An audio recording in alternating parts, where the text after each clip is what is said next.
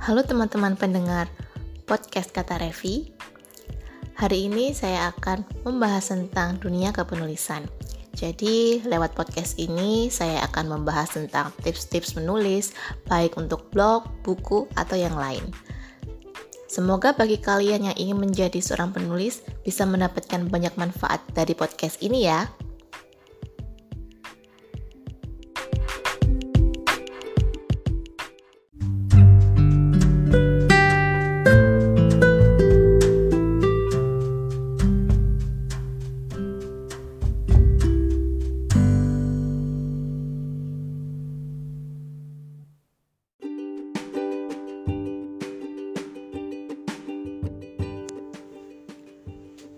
Halo teman-teman pendengar podcast Kata Revi. Hari ini kita akan membahas tentang mengenai dunia kepenulisan. Nah, eh, yang akan saya bahas adalah mengenai lebih baik menulis fiksi atau ngeblok sih jika ingin menjadi seorang penulis yang sukses untuk mendapatkan materi atau rezeki. Ada beberapa pertanyaan yang masuk uh, atau ya yang pernah bertanya kepada saya baik lewat Japri maupun di kelas menulis. Masing-masing uh, dari teman-teman penulis tersebut penasaran sebenarnya lebih asik ngeblok atau nulis buku sih kak, terutama nulis novel ya. Kali ini saya tidak akan uh, memberikan atau menunjukkan apa sih yang paling cocok buat kalian. Karena bagi saya tiap orang, tiap penulis itu punya jalan rezekinya masing-masing.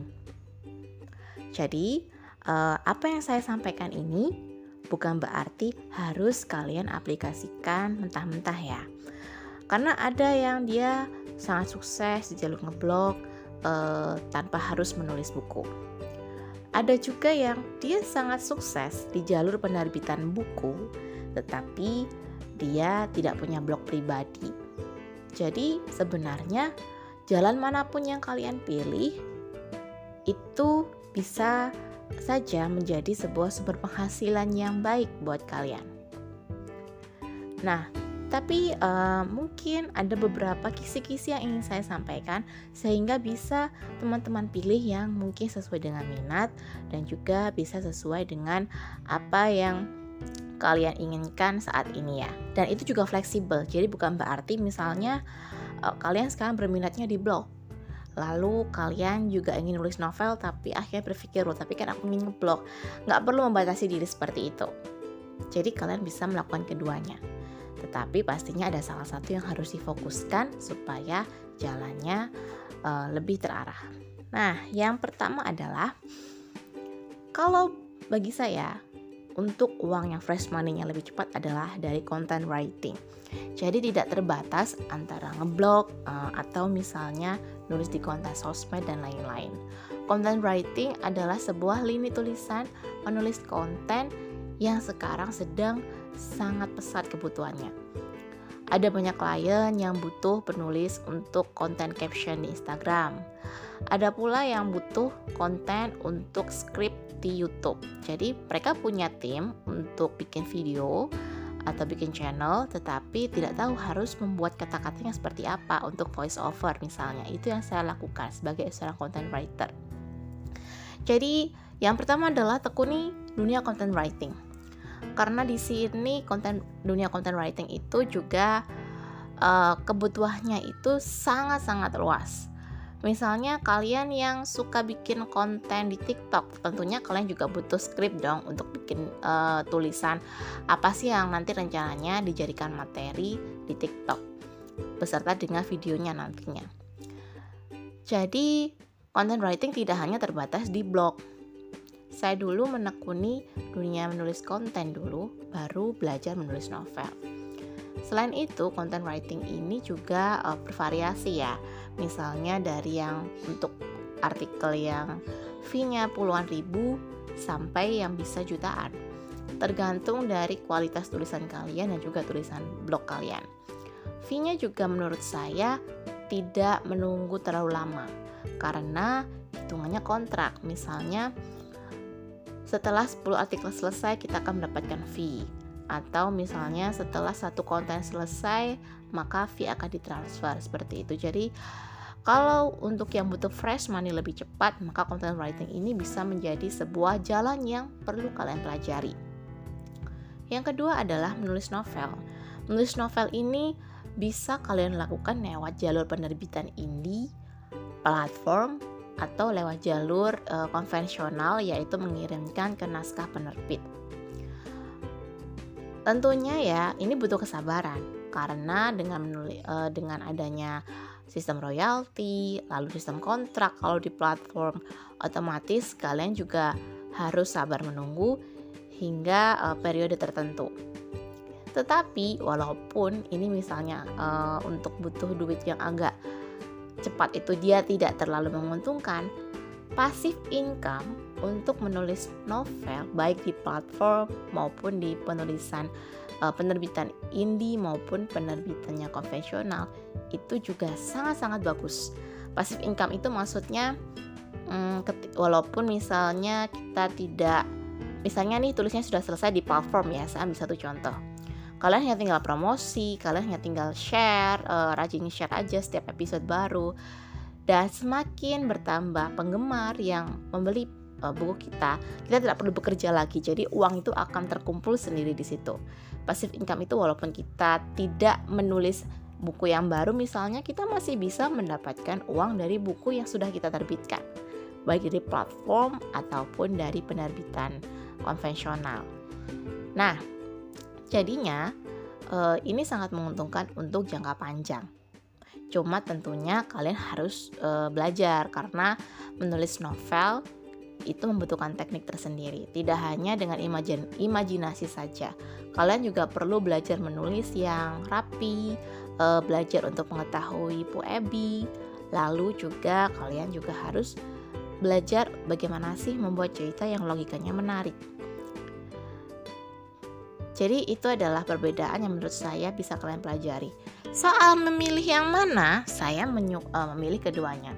Karena bagi saya, uh, saya juga ada jalur ke jalur uh, yang ketiga yaitu kelas menulis.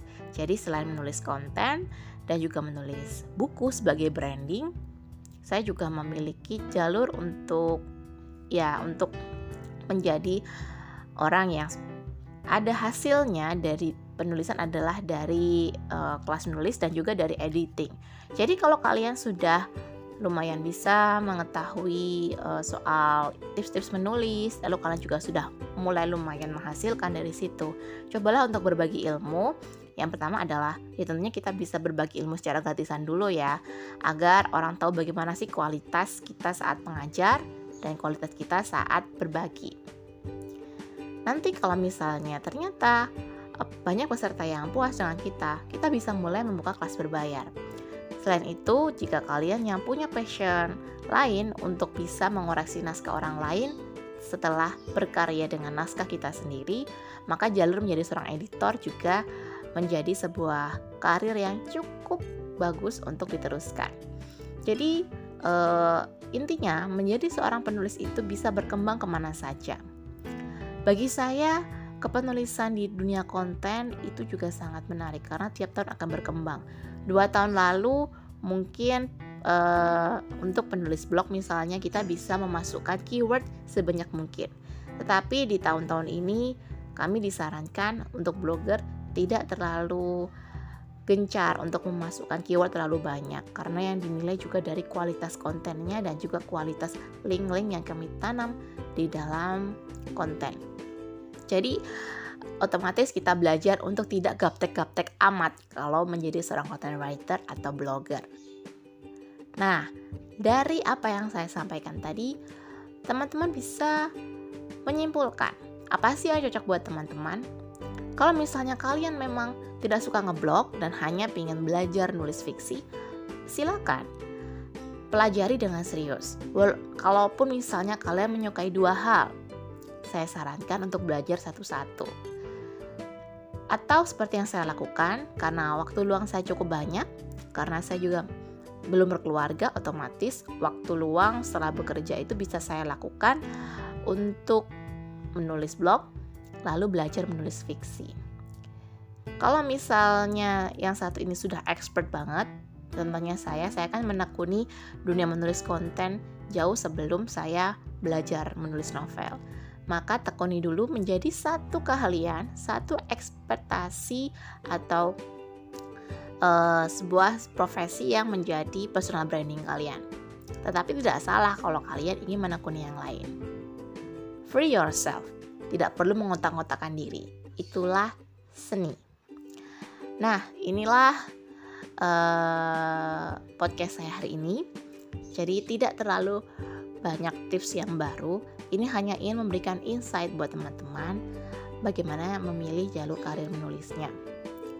Pilih yang paling menarik untuk ditekuni dulu dan diseriusi. Urusan nanti kalian hanya mau fokus satu, mau fokus dua, atau lain-lainnya, itu tidak masalah. Yang terpenting, apa pun yang kalian lakukan, apa pun yang kalian pilih, pilihlah yang terbaik dan lakukan yang terbaik, terutama untuk memberikan tulisan yang bagus, baik untuk klien maupun untuk membaca novel kita. Sekian podcast hari ini. Terima kasih sudah bergabung. Teman-teman juga bisa follow Instagram podcast kata Revi di kata underscore reffi. Sampai jumpa di podcast kata Revi berikutnya.